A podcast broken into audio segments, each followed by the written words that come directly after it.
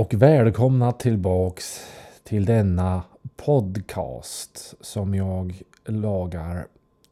Nej, jag ska ikke snakke svensk. Det var en internasjonal begynnelse på eh, denne podkastepisoden, men eh, det, det blir ikke, ikke svensk.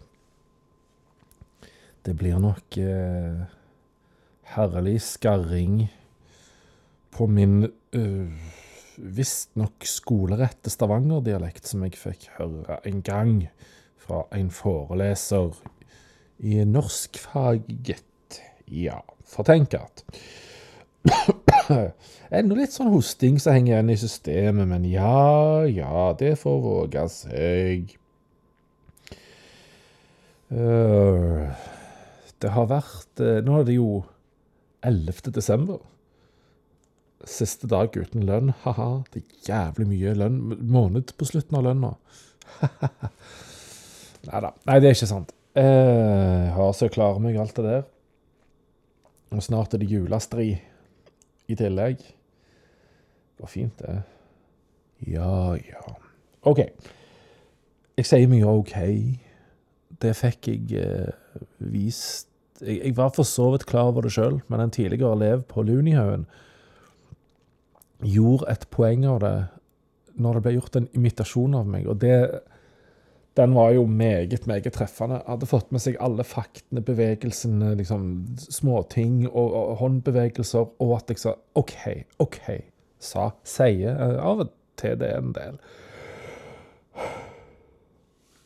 Klokka er faen meg bare litt over halv ni, og jeg geisper uh, veldig uh, allerede. Ja, men det er et bra tegn. Det betyr at jeg uh, er naturlig trøtt nå. Ja Hva Jo. Har Jeg vet ikke kan, Kanskje pinpointa nøyaktig hvilken podkast det var jeg hørte på en øyeblink. Men det var nok en NRK-podkast, tror jeg, der det var snakk om litt ulike religioner, gamle livssyn, sånn som åsatru slash Håvamål. Og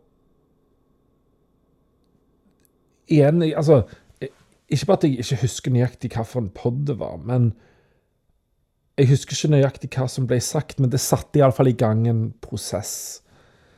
Der perspektivet ble som følger. Og det kan godt være at jeg setter meg i et parallellspor til historien. At det, jo, jo Hovedper... Herregud. Hovedperspektivet er eh, trolig that of violence. Det skal han definitivt ikke se vekk fra. Hm, hvor er jeg på hen Ja, kan ikke snakke. Hvor er jeg på vei hen med dette, mon tro, kan en tenke nå. Hold your horses. OK. Håvamål. Det handler jo om hvordan her og nå, her, her og nå, leve sånn at det er bra her og nå, og hvis alle gjør det, så fortsetter det å være bra. Skap det fint i øyeblikket, og hold det videre. Og det sentrale poenget her med hvis alle bare gjør det, eller hvis alle gjør sånn, så går det jo bra. Det er jo det, det sentrale prinsippet prinsippet i all bærekraft. Hvis alle gjør sånn som deg, er det da bærekraftig? Vil det være bra for verden og for det lille samfunnet du lever i, for familien din og for deg? For det holder ikke at det er bare bra for deg, alt det der. Bla, bla, ukeblad. Som var forrige episode. Nå er det bla, bla, flygeblad, sier vi. OK, så Håvamål er veldig gode fornuftige leveråd, som at eh, når man geisper, skal man sove? Jo, jo, jo, jeg skal det. Men først lage pod. Mm. OK, så du får sinnssykt mange gode tips, leveråd, sånn at hvis du bare følger de, så vet du at da, nå gjør jeg noe bra. Nå er jeg en rollemodell og et forbilde for andre, for hvis alle gjør sånn som dette, så gjør vi jo det Odin, eller naturen, sier vi skal gjøre. Hm, så hvis alle gjør sånn, så får du det bra i øyeblikket, som er det eneste og beste du har, og så får du det bra, og alle får det bra videre òg. Det som mangler her, kan en da si, eh, som vi har underskudd på Si en minst 1000 år siden og bakover. Eh, ja, jo, faktisk. Det er håp. For jo da, det var tøft, og det er tøft her i Gnore, Norge og her i nord. Det er tøft. Du trenger noe håp. Men Åsatruen sier jo ikke at det skal bli bedre. Det skal bli gull og grønne skoger. Og hvis du gjør alt riktig nå, så får du noe enda bedre seinere. Men det kom jo. Kanskje var det det som gjorde her i det karrige nord at litt eh, jantelovete nedpå nordboere kicka jævlig på denne lysets tro og håpets eh, tro om at hvis du bare gjør sånn som denne personen som har levd, og ikke Odin som er en eller annen mystisk skikkelse en plass, eller bare naturen som er så veldig udefinerbart, visstnok, sier bare gjør det denne personen sier, så skal du faen meg bli belønna med evig liv. Og da ble det tatt helt bokstavelig, sånn at jeg kommer til å leve evig. Ikke bærekrafttanken om at du, da kan livet opprettholde seg sjøl evig, og du blir med og bidrar til dette, for du er òg med i syklusen. Når du blir gjenfødt på ny, så blir du en bedre versjon. Fordi du fortsetter med alt det gode du hadde med deg, og karma, alt det der, bla, bla, ukeblad, bla, bla, flygeblad. OK, så kanskje kan det sammen med at vi ble åpenbart eh, utsatt for vold, voldtekt, trusler og drap, eh, kan òg håpet ha vært på å gjøre at hm, vi legger dette sammen med Åsatruen, så blir det kanskje ganske, ganske Jeg skulle til å si kanskje, og så stoppa jeg, for jeg var på vei til å si ganske plutselig. Så blir det kanskje ganske bra. Fin kombinasjon av det, fornøyd. Så Åsatruen med sine gode hverdagsråd, altså den, egentlig en humanistisk eh, tankegang, sammen med den nye kristne tankegangen. Sammen blir de egentlig ganske bra, kanskje, da. Fordi at det ligger et håp i den ene som mangler litt i den andre. Men den andre er tung på veldig gode verdslige leveråd, som for så vidt den andre òg er. Så begge to er egentlig gode på verdslige leveråd, men den ene tilfører håp. OK. Ja da. Jeg, eh, jeg har ikke Eller nei da. Jeg har ikke blitt omvendt. Jeg har ikke eh, sett noe verken lys eller mørke. Eh, jeg bekjenner meg ikke til verken åsatru, som er mer sannsynlig at jeg kommer til å gjøre, enn kristendom. Men jeg har heller ikke bekjent meg til kristendom. Jeg bare innser det at alle religioner sin store idé er å skape gode, trygge, bærekraftige samfunn. Som hvis alle bare følger dette, som er innerst inne vet at det er bra for oss sjøl og alle andre, så blir det bra. Og så kommer det noen eh, folk som eh, bruker dette som et middel for å samle makt til seg sjøl. Noen illiberale dildoer som bare samler makt til seg sjøl.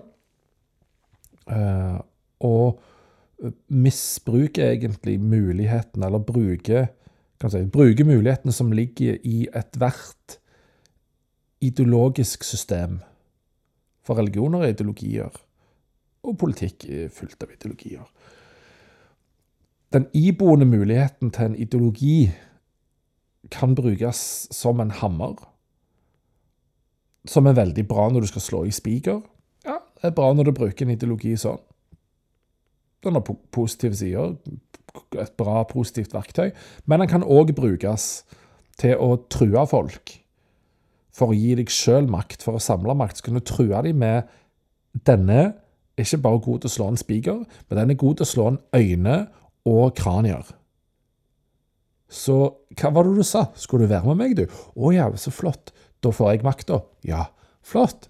Da er vi enige.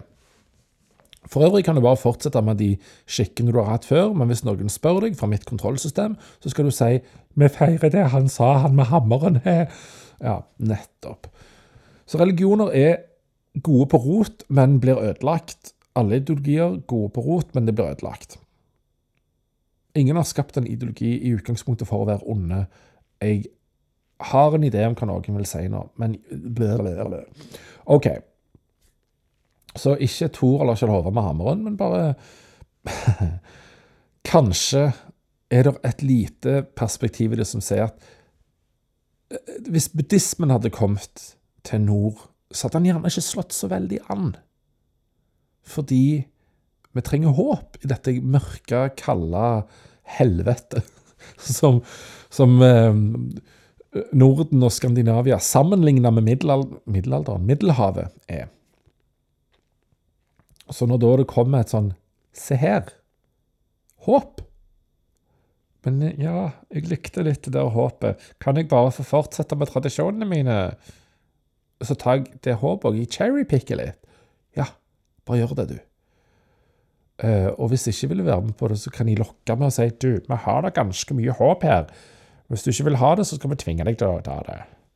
Så en salig miks, kanskje. Men appellen ligger i håpet, da var det som Det perspektivet jeg plutselig fikk, som jeg ikke hadde hatt før, av å høre på denne poden som jeg ikke husa navnet på. Så har det vært en sånn Det har stått litt i tanken i det siste. Og så har jeg eh, et håp om at før jul så får jeg en re-gjesteopptreden av eh, sjokoladesvensken. Munche-Markus. Hva var det han sa? Melt, don't munch. Melte-Markus. Det var det vi må kalle han, vet du. Og så dumpa jeg inn i en samtale med ei jeg jobber med, arbeider med i dag.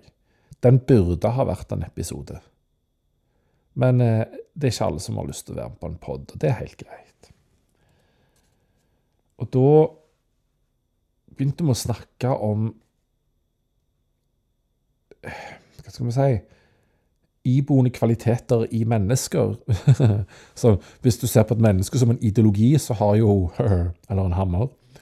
Så har jo vi òg positive sider. Så har, har vi sider vi gjerne ikke Eller handlingsmønster. La oss kalle det det. Det er et formålstjenlig, hensiktsmessig begrep å bruke her. Vi har handlingsmønster og personlighetstrekk og atferdstrekk som vi ikke er så stolt av. Mine er andre enn dine. Noen kan være de samme, kanskje alle er de samme, men de kan iallfall variere. Og i en eller annen grad overlappe. Mm -hmm. Så setter vi og snakker litt om dette. og Da nevnte hun og korrekt, korrekt ja. Da skulle jeg si korrekt, og så begynte jeg å si riktig heller. Så ble det korrekt. Um, hun hadde korrekt bruk av ordet misunnelse. For det er ikke en sunnelse, det er en misunnelse. At jeg, eller den som er misunnelig, ikke unner deg eller noen andre det som kommer din vei. Og det er et jævlig usympatisk trekk. Men det kan være at du ikke har så mye issues med den, fordi at eh, du kjenner veldig lite på det at du ikke unner andre noe bra fordi du ville hatt det sjøl. OK, nå begynte samtalen å bli interessant, for da spurte jeg, da Vi kom inn på dødssynder. Så slo de opp de syv som er Jeg husker ikke de i hodet, men det er hybris, hovmod. Eh, og så er det fråtseri. Det er vrede, misunnelse og tre til. Jeg kommer ikke på alle nå. Uh, men er ikke da misunnelse en etterkommer En av mange mulige etterkommere av den der reindyrka egoismen? Ikke den egoismen som sier 'bra for meg òg', i tillegg til andre. Eller altruismen som er en slags form for Nei, jo Slags form. For det du vinner jo på altruismen òg. Du får faktisk noe igjen for å være en altruist. Så det er alltid et, eh, eget, et eget motiv i det. Mens den rendyrka egoismen, den mangler det som er bra for de andre, og der ligger jo misunnelsen. Jeg vil ikke at du skal vinne i Lotto. Og hvis du gjør det, så blir jeg litt sur på deg, fordi jeg ønsker at jeg skulle gjøre det. Jeg skulle hatt alle de pengene du nå fikk. Eller jeg skulle hatt eh, den vennen du nå fikk. Det var egentlig min venn, det. Nå stjal du vennen min. Jeg unner deg ikke å ha den vennen. Eller, ja, OK. Det er iallfall en form for Det ble litt sånn dårlig eksempel der, hører jeg. Men ikke heng deg opp i eksempelet, please. Men nå skal du gjøre det. Er ikke misunnelse et eksempel på, på reindyrka, eh, egosentrert egoisme? Hmm. Vi ble litt enige om jo, men så kom vi òg til et visst punkt der vi gjorde forskjell på, eller jeg, jeg lanserte forskjellen på å være egoistisk, altså å være egoistisk, og det å ha egoisme. For hvis du har egoisme, så er det en Du kan gjerne si en diagnose eller sykdom, men la oss ikke kalle det det, for det er så belasta ord. Da er det en del av deg. Da har du um, La meg bruke denne analogien. Da Da har du frukten inni deg.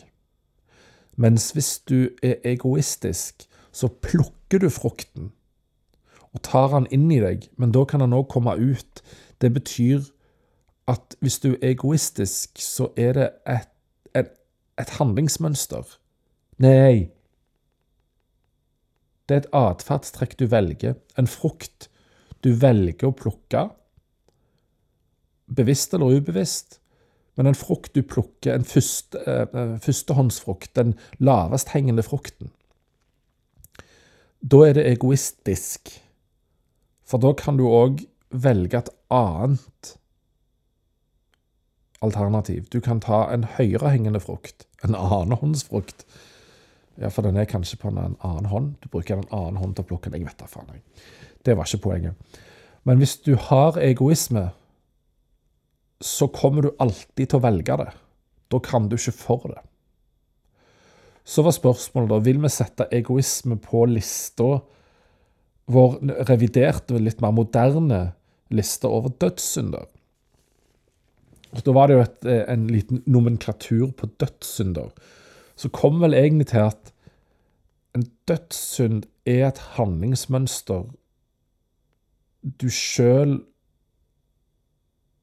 eh, kan si, er litt pinlig berørt av. Du liker ikke når du havner i det mønsteret. Men det skal ikke være noe som nødvendigvis er eh, en beskrivelse av deg. For eh, det må være noe som bor i oss alle, men som du kjenner at du har litt høye nivåer på. Høye nivåer på. Um, eller at du velger litt ekstra lett. Du henfaller lett til La oss si da et handlingsmønster som misunnelse. Og da er root causen egoisme. Men det betyr ikke at det, Jo, da har du en egoistisk atferd. En, en, henfallenhet til egoistisk atferd. Men det betyr ikke at du har egoisme men du vil gjerne unngå å havne i det mønsteret så eh, sa jeg for min del at grunnen til at jeg, jeg bruker da dødssynd på det For hvis du ser på de syv som er lista, så ville jeg tenkt at når, når jeg havner på en av de, så er det fordi jeg plukka den lavest hengende frukten, men ikke den jeg ønsker å trekke. Altså gjør jeg et valg jeg ikke er stolt av. Jeg går inn i et handlingsmønster som jeg ikke ønsker å gå inn i, som jeg ønsker, som da ønsker å bryte. Og så vet jeg gjerne hva som er bedre, hva jeg faktisk ønsker å gjøre, men jeg klarer det ikke. Eller jo, jeg klarer det, men ikke alltid. Det krever en del disiplin. Hvis jeg ikke klarer det, da er det jo ikke handlingsmønster, da er det personlighetstrekk. Da sitter det engrained i meg. Intrinsic, intrinsic heter det kanskje? Jeg vet ikke. Anyways. Så kommer vel fram til hun og jeg, da, at egoisme kan jo føre til veldig mange forskjellige atferdstrekk. Men å velge egoisme og henfalle til å henfalle til egoistisk atferd er en dødssynd. Fordi det fører ingenting bra med seg, verken for deg eller for andre. Ok. Men den vi var først inne på, og der kan vi òg skille mellom en slags sånn personlighetstrekk og en henfallenhet til gjesping. Henfallenhet til et atferdsmønster, et handlingsmønster. Er ikke handlingsmønster noe du ikke kan bryte? En del av personligheten din? Du henfaller jo ikke til det. Det er et handlingsmønster. Det er sånn du bare er. Hmm. OK. Atferdsmønster og handlingsmønster. Er det det samme? Akkurat nå så skiller jeg mellom de. Skal jeg prøve på det? At egoisme er et handlingsmønster, mens det å være egoistisk er et atferdsmønster. Akkurat nå så tror jeg jeg gjør det. Det var nomenklatur. Eh, den første vi var inne på, bortsett fra misunnelse, som leder oss inn på dette, og som vi tok vekk fra lista fordi vi la den inn i egoisme, som var den andre dødssynden vi kom fram til, så var nummer én og, og her, før jeg sier den, så vil jeg si at for min del Grunnen til at han havner der på lista, er fordi hvis jeg henfaller til det atferdsmønsteret, så har jeg satt til side mine egne verdier, de jeg vet er riktige for meg og for egentlig andre òg. Det er de jeg vil velge. Men jeg vet at det ligger hinder for det valget. Det er derfor jeg må strekke meg etter de og jobbe hver dag for å være i tråd med verdiene mine. Så hvis jeg henfaller til dette atferdsmønsteret som den første dødssynden vi kom fram til, så har jeg valgt det foran mine egne verdier, og derfor har jeg da så grunnleggende sett svikta meg sjøl. Men da òg svikta andre. Fordi hvis alle skulle velge dette, da, så blir det jo ikke en bra verden. Hvis alle går rundt og er hevngjerrige. Jeg har ingen tro på hevn. Men så, så stilte hun et spørsmål, da. Hun spurte ikke et spørsmål. Hun spurte meg, hun stilte et spørsmål om hva da hvis noen kvester meg, og hun ønsker at de skal bli straffa for det? Er det hevn? Og da var mitt svar nei. Det er å ønske at de som gjør dette For dette, når du ser det, tenker du shit, nå er jeg next. Eh, men vi må få eh, tatt denne personen, satt den vekk, og beskytte oss andre. Altså sikre skadestedet, på en måte, da. Og sørge for at den får en konsekvens for det. For vi ønsker ikke å ha denne atferden. Den henfalt til et atferdsmønster som ikke er bra, som vi ikke vil ha noe av. Det betyr at vi utfører straff på denne, men ikke hevn.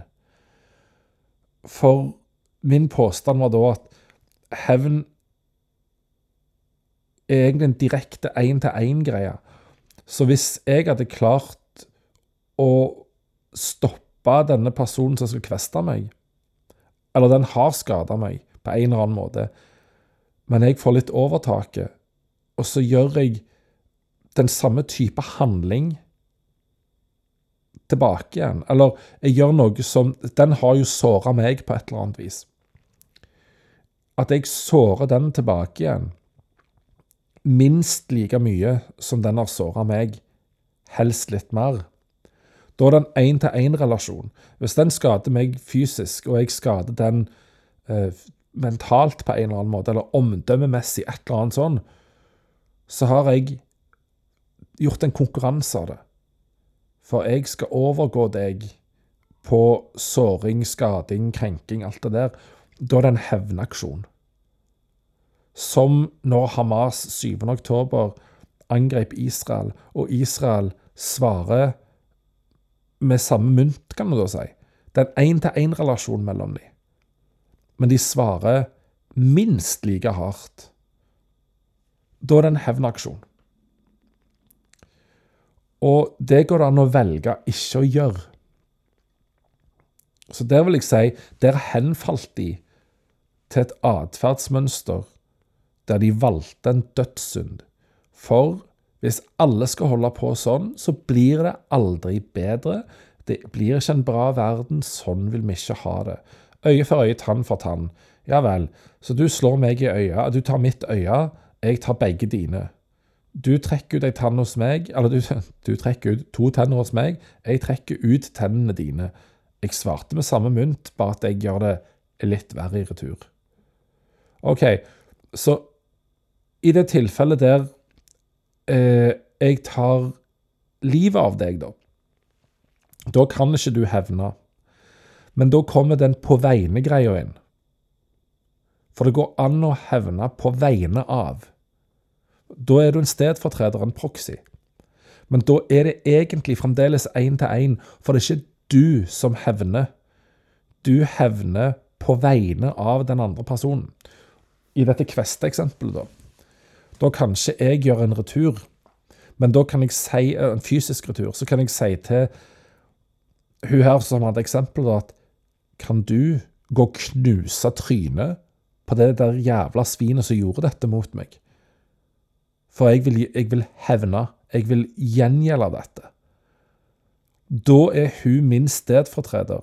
Så det er ikke hun som Vil jeg si teknisk sett, så er det jo hun som gjør det, men hun skal ikke klandres for handlingen. For hun hadde ikke gjort det med mindre jeg sa 'se hva som skjedde med meg'.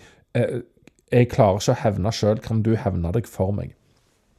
Hvis alle skulle holdt på sånn da, da, da, da, Det er ikke bærekraftig. Så da var vi enige om at det å være hevngjerrig, det er på dødssyndlista. Og synder er jo atferd eller handlinger. Sånn som når, ehm, når Ikke sånn som når. Islam sier jo 'ikke drikk'. Jødedom, kristendom, bare for å ta de abramittiske. De to andre der de sier drikk gjerne, men begrens deg. Hvorfor skal Jævla smattlyd. Hvorfor skal Hvorfor skal en begrense seg i de to, og ikke i det hele tatt drikke i den andre? Det handler om synd. Fordi når du er edru, så har du dømmekraft sånn i utgangspunktet. Relativt god dømmekraft. hvis ikke du da faktisk har et personlighetstrekk, eller noen kaller det gjerne òg diagnoser, som gjør at du ikke klarer å holde styr på det. Du, du, du velger ikke, du henfaller ikke til noe, du bare er det. Ok, Hvorfor skal en da ikke drikke alkohol i islam? Jo, for å hindre at du mister dømmekraften.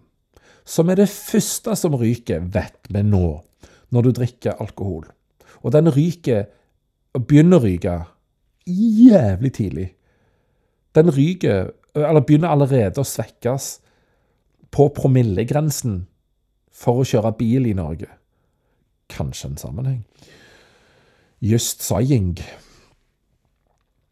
Og så sier de andre to abramittiske at men ta så begrens det, for det er så lett å henfalle til synd. Ja, det betyr jo at synd er jo da uønska handlinger, uønska handlingsmønster, uønska atferdsmønster. Du gjør dumme ting, og du gjør ting som ikke er bra. Og hvis alle skulle gjort det, kommer den igjen, så hadde det jo ikke vært bærekraftig. For da blir en plutselig veldig egoistisk. Da blir han plutselig veldig hevngjerrig. Hmm. Men hvis du har hevngjerrighet, så trenger du ikke drikke, du trenger ikke få svekka dømmekraft, fordi den bypasser dømmekraften din. Så hevngjerrighet er personlighetstrekket, akkurat som egoisme er personlighetstrekket. Egoistisk en, er en eh, karakteristikk. Det er beskriver eh, navnet på ordet på et atferdsmønster. Um, ja. Akkurat som hevngjerrig og egoistisk er adjektiv. De beskriver en atferd, mens de andre er substantiv og beskriver en tilstand. Hm. Det var bra. Og så hadde vi snakka litt om beslutningsvegring. Motsetningen til beslutningsvegring, som er forhasta konklusjoner. Og Eller det er gjerne ikke motsetninger, men you catch my drift og alt det der. Og jeg var òg inne på dette med unnvikelse, eller mer handlingslammelse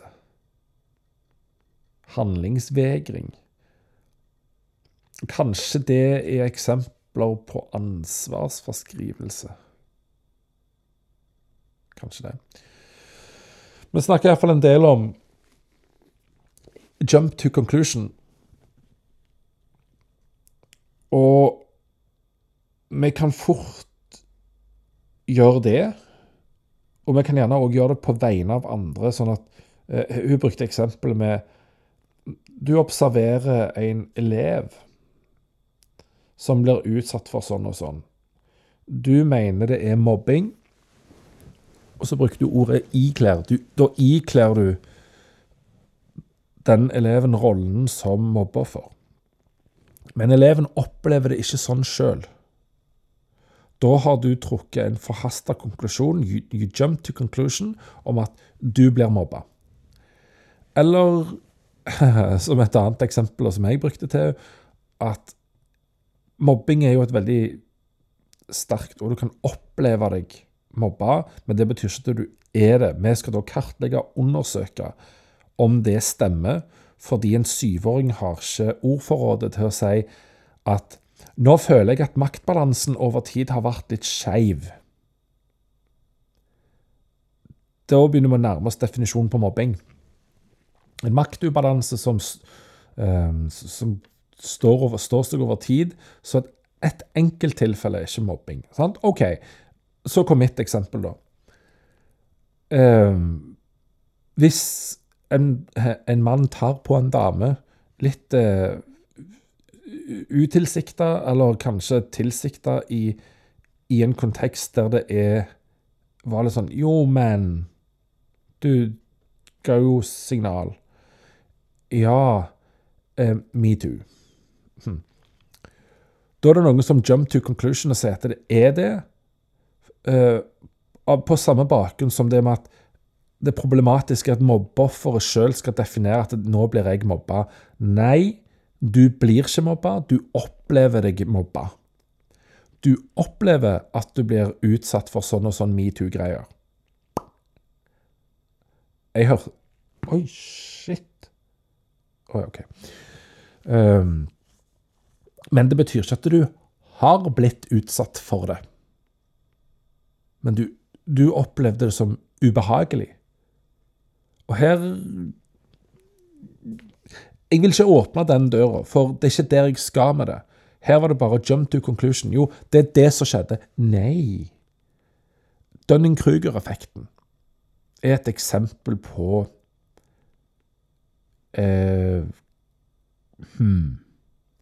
Kunnskapsløshet, Dunning-Kruger-effekt, er vel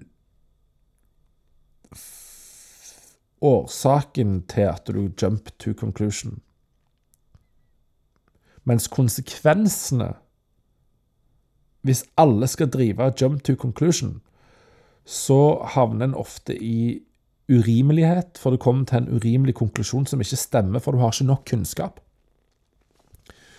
Eh, og det er sånn som i Dunning-Kruger-effekten, da du tar beslutningen for tidlig, når du får den første piken. Og så, når du da får litt mer innsikt, så, så synker den jo i denne her trangen til å konkludere og påberope seg svarene, før en faktisk begynner å få innsikt. Men da piker du ikke så veldig, du går litt opp igjen. Fordi uh, Google grafen til Dunning-Kruger, så, så, forstår du hva jeg mener. Um, så når du da har fått litt innsikt igjen, så kan du ta en beslutning. Og da er det ikke urimelig, irimelig, urimelig lenger. Da er du rimelig. Fordi du venta med å ta beslutningen. Du hoppa ikke rett på. Når du er kommet til det punktet, så utsetter du heller ingen for en eller annen form for tvang. Altså tvinge noen inn i ditt narrativ. For det er òg en konsekvens av jump to conclusion. Og det at du jump to conclusion baserer seg på kunnskapsløshet. Det slutter på het. Altså er det nesten en Jo, det er en tilstand. Nesten som et personlighetstrekk. For hvis ikke du gjør noe med det, hvis, og hvis du, ikke, hvis du ikke er i stand til å gjøre noe med det, så lever du i kunnskapsmangel. Det kan òg komme av erfaringsmangel. Uh, men de er vel ikke Nei, de er ikke et personlighetstrekk på samme måte som hevngjerrighet og egoisme. Men de er, de er tilstander, og de går det an å gjøre noe med på en helt, helt annen måte enn de andre, er min hypotese, da.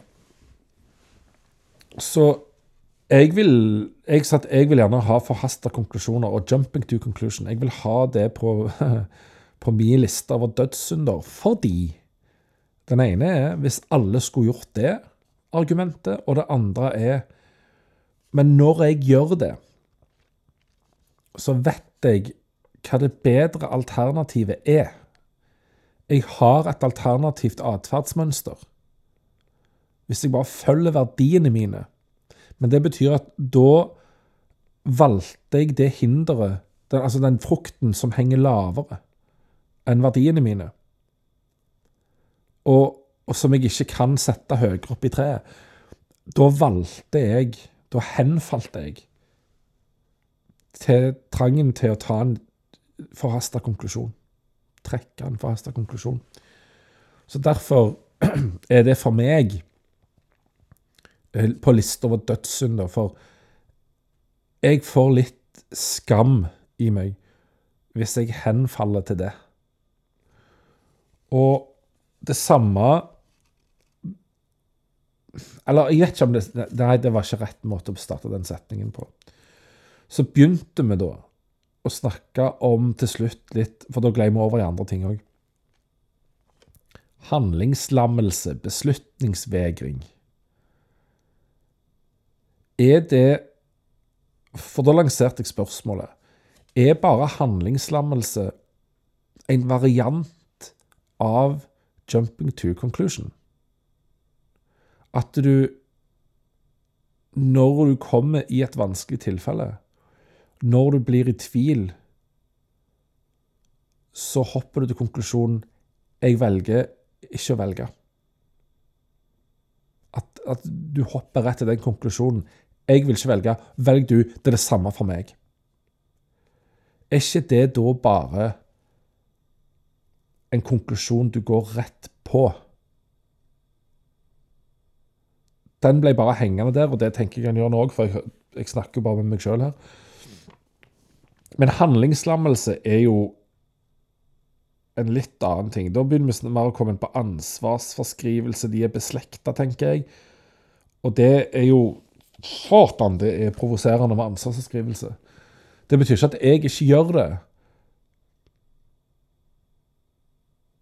Jeg For å prøve Vi skal alltid unnskylde oss, sant? eller bortforklare oss og rettferdiggjøre oss sjøl. Jeg skal ikke gjøre det nå. Fordi at, ja, klart jeg òg begår ansvarsforskrivelse. Og jeg begår òg handlingslammelse. Jeg begår det. Jeg, altså, jeg begår synden. Men handlingslammelse, det er jo et substantiv. Da må det være et annet ord. Unnlatende. Ja. Jeg, jeg faller òg inn i et atferdsmønster i enkelte situasjoner, kontekster. Inn i et unnlatende, det adjektiv, atferdsmønster.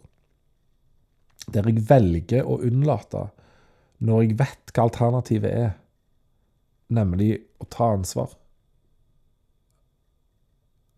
Eller være ansvarlig, for du kan ikke ta et ansvar. Du kan være ansvarlig. Hmm. Ja, å være. Du kan være unnlatende, og du kan være ansvarlig. Ja. Og du kan ha ansvarlighet. Ha-ha. Og du kan ha handlingslammelse. Ja, makes sense. Fordi hvis all, og, og, Grunnen igjen da, til at handlingslammelse havner på min liste, det er fordi jeg vet hva alternativet er, og jeg liker det bedre. Jeg vil være den som er ansvarlig, og vise ansvarlighet. Uh, men så henfaller jeg til unnlatelse.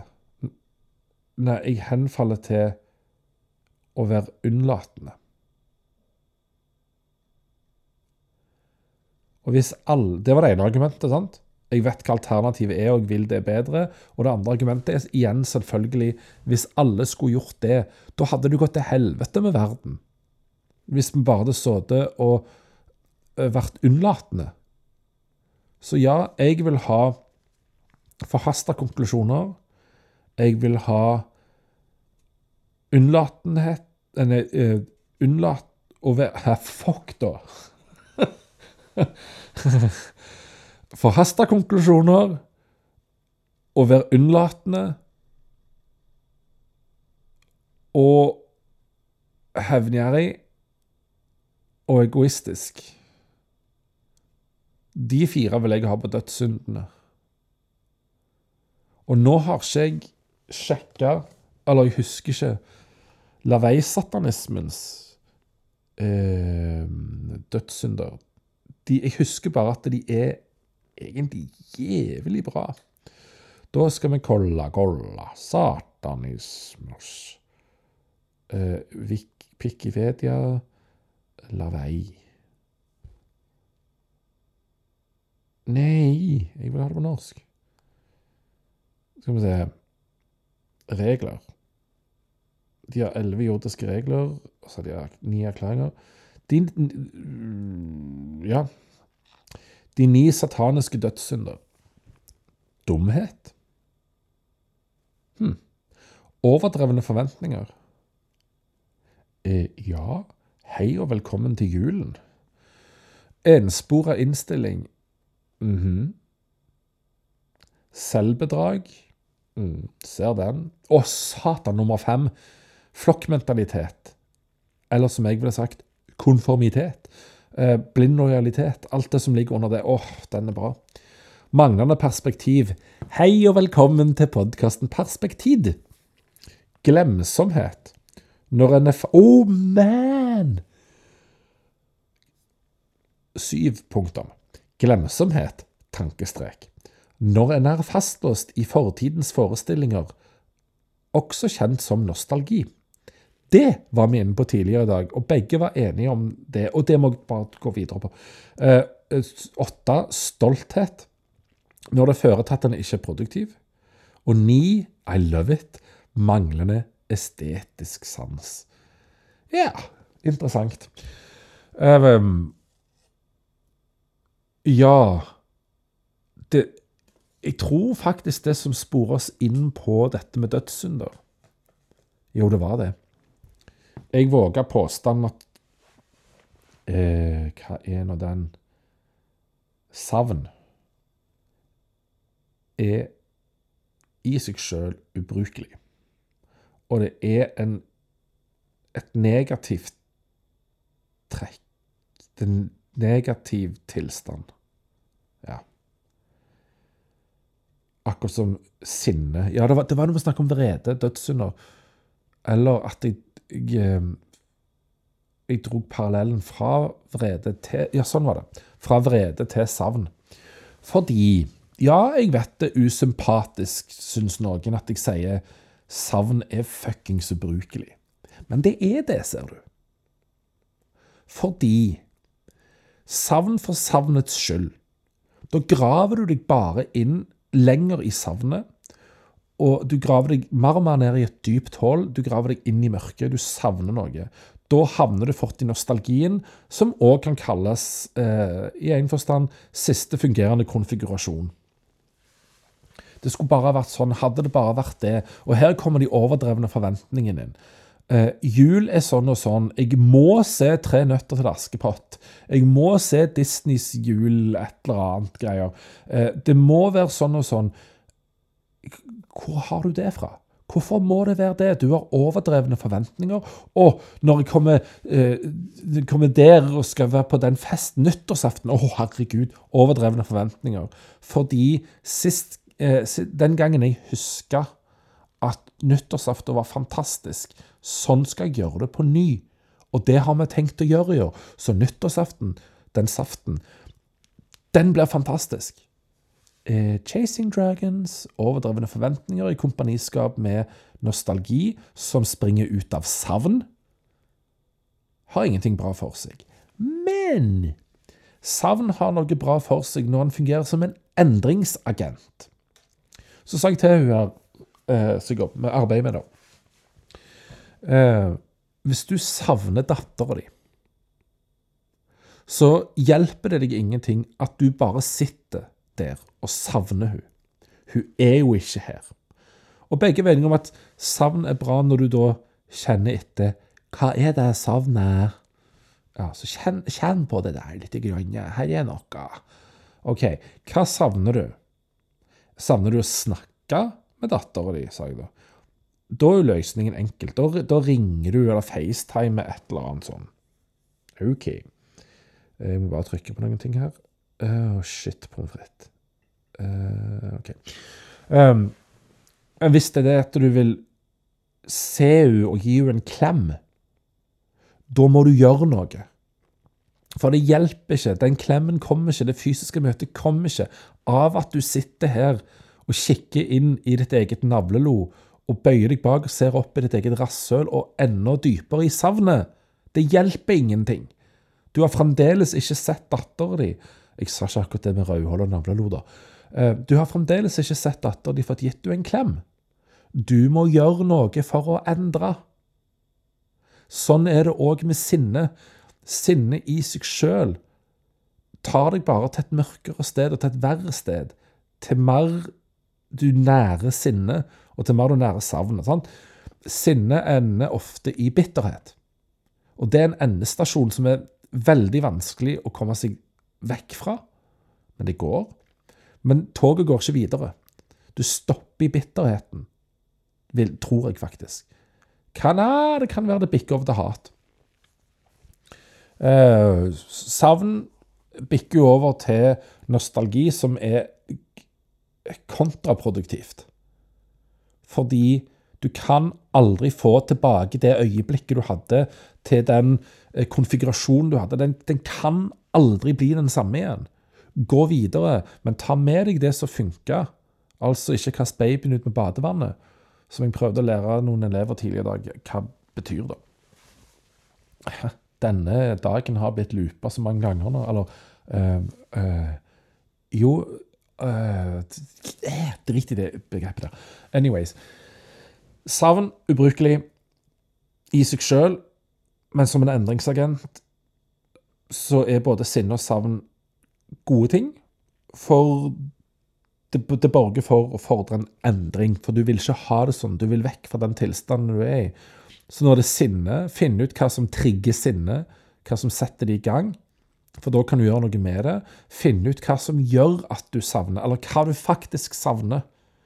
Uh, og da nevnte jeg som eksempel meg sjøl at det, uh, Jo da, jeg har eksempelvis sagt det at jeg er ikke på utkikk etter en kjæreste, og jeg vil ikke ha det. Jeg skal ha adresse for meg sjøl. Det kan likevel være at jeg savner det,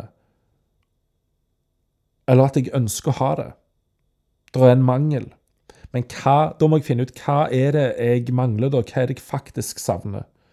Er det noen å snakke med? Er det Altså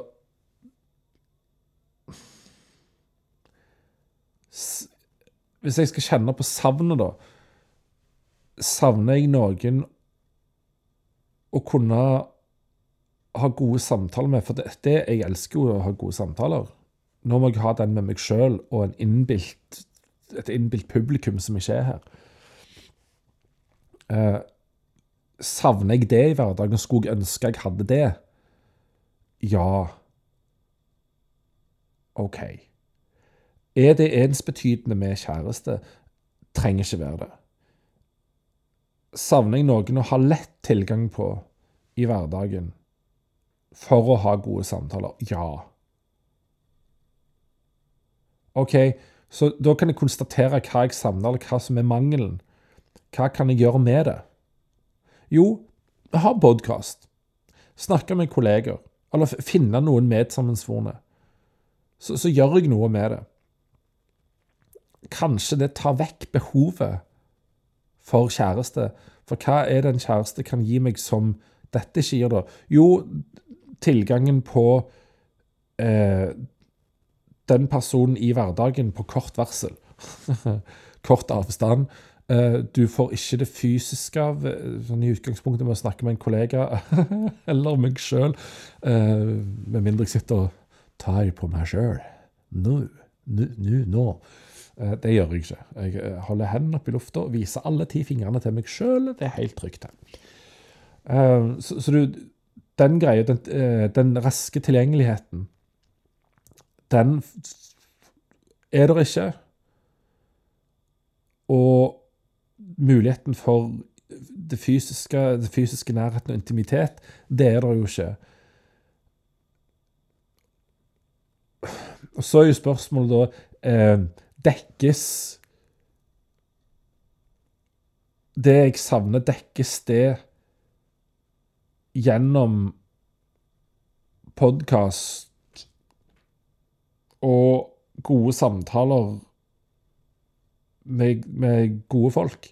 Enten det er FaceTime, telefon eller fysisk samtale i, i, i, i sanntid eh, på samme sted. Og det er der jeg kjenner at ja, det gjør faktisk det. Men ellers så er det jo Wow, nå kom bekjennelsens tid her. Eller så handler det jo om at ja, Utenom det, da, så handler det om at det er et grunnleggende menneskelig behov med Det begynner ikke på F, det begynner på A. Med anerkjennelse. Uh, og da er det en form for anerkjennelse som du kun kan få med Jeg har jo vært inne på dette før. Gjennom den kjæreste relasjonen. Altså en relasjon som betyr så mye mer enn de andre. Som er noe annet enn de andre. Den har Den har alt det samme som de andre, men bare litt til. Så det, er de andre som ikke har det denne har, men denne har alt det og litt til. Den anerkjennelsen der at, at eh, et annet menneske velger deg, eller et, to mennesker velger hverandre Den anerkjennelsen der er det klart jeg òg skulle ønske jeg kunne få kjenne på. Så det er jo Jeg vet ikke om det er et savn. Det er bare et grunnleggende menneskelig behov. Hæ. Nei. Det hadde vært fint å ha det, men nå er det ikke her. Det er noe annet enn å tenke Nei, for savn er, savn er noe du har hatt og ikke har. Og du skulle ønske du hadde igjen. Så nei, det er ikke et savn. Det er et grunnleggende menneskelig behov Grunnleggende menneskelig behov som egentlig danner mer et ønske, da enn et savn. For savn er noe du har hatt, men som du nå ikke har, men skulle hm, ønske du hadde. Mens et grunnleggende menneskelig behov, det kan du gjerne mangle. At det ikke er dekka. Men det betyr ikke at det alltid kommer til å fortsette å være sånn, for du kan jo faktisk få det dekka. Hmm. jeg, jeg, ser at de er beslekta, disse her, men jeg, jeg akkurat nå så går jeg ikke med på at det er det samme. For savn er noe annet. Jo, nei, jeg, jeg savner ikke en kjæreste, for jeg har aldri hatt det. Men det hadde vært fint å ha det. Og at jeg ikke jobber for å få det. Vel det er vel en form for unnlatelse. Nei, å være unnlatende. Og en form for handlingslammelse som har en root cause. Og det tar ikke jeg i poden. Det tar jeg med meg sjøl. wow. Jeg hadde ikke trodd jeg skulle ende her når jeg tryk, begynte Når jeg trykker rekord. OK. Vel, det ble en episode på over en fuckings time. Tror jeg. Ja, jo, det blir vel det. Jo. Jeg skal ikke tverre det ut for å bli det, men uh, you know. Så ja, nei, jo, det er flott, det, vet du. Uh, jeg har vel ikke så mye mer å si enn at jo, det kommer nå er det jo en mandag En mandag. Det er mandag 11. desember. Fredag kommer en sang som først var én sang. Ketil skrev den fantastiske historien 'Apartment 104D'. D for David. Delta. 104 Delta. Veldig mørk, tragisk, fæl, vond historie. Uh, som avslutter på en litt uh, fin note. Og da mener jeg ikke musikalsk note, det gjør han for så vidt òg, men uh, on that note slutter han, og den er litt sånn positiv og fin. Uh, kanskje det er litt håp mm, for å liksom bridge den greia, eller loope den. Uh, ja, den sangen var opprinnelig én sang på rundt 6,5 minutter. Ble delt opp i fire mindre spor. Den kommer nå på fredag. Jævlig fornøyd med den. Det er eh, noe av det sånn lydmessig eh, aller beste jeg har produsert. Den, den er knallbra. Og det er lov å si sånn sjøl, om, om noen sjøl har gjort. Og på julaften Det kommer jo noe eh, fredag 22. desember, men det har jeg snakket om før. På julaften så kommer det egentlig det som er mitt livsverk. Den har jeg holdt på med bitte litt lenger. Ikke veldig mye lenger enn Apartment eh, 104 David Delta. Um, den heter Oblivion, og nå må han bare ut. Nå, nå har jeg gjort en veldig god jobb med den. Den har blitt veldig fin i lyden. Jeg vet det er ting som kan endres, men nå, nå vil ikke jeg gjøre det mer. For det har jeg gjort så mange ganger med den sangen og med den produksjonen, at sånn som han er nå, sånn blir han ferdig. Og det er livsverk i den forstand at brorparten av livet mitt Ikke nå, men brorparten av livet mitt oppsummeres av den sangen, av den teksten, av stemninga i sangen. Ehm, kanskje tydeligere i tidligere versjoner av sangen, men det ligger definitivt der i nerver og liksom ryggmargen til sangen ennå. Så ligger den stemningen og den følelsen, som òg oppsummeres av tittelen 'Oblivion' og teksten på den. Så den er jeg meget fornøyd med å få ut. Og på nyttårsaften, den herlige saften, så kommer jeg òg til å gi ut en låt som Der teksten ble til av en film. Noe som den norske tittelen henspeiler direkte på. Fordi tittelen er delt med en skråstrek. På tide slash om tida. Den er på nynorsk, og den er òg å finne i bøken Fremdeles, som fremdeles selges på Bøker og brøst, Brøker og brøst i Stavanger. Så hvis du vil ha den, så gå på Matematikerplassen Brøker og brøst, eller Litteraturplassen Bøker og børst. Det var vel det. Så kommer det i 2024 en, kanskje to sånne greier til der jeg tar gamle ting og gjør ferdig. Og så begynner det å komme nye ting. Så 2024 blir for meg en, et, av de der årene som er metamorfosens år. Ja Jeg tror jeg sier at det var vel det, kanskje. Ja. Og så må jeg bare si at Jon Fosse-diktet For hvis du ikke har fått med deg noe av Jon Fosse de siste par ukene, hvor faen har du vært? Du, du, du får Jon Fosse i monitor uansett. Så i dag hørte jeg da Nei, i går Ja, jeg tror det var i går. Brenner leser dikt.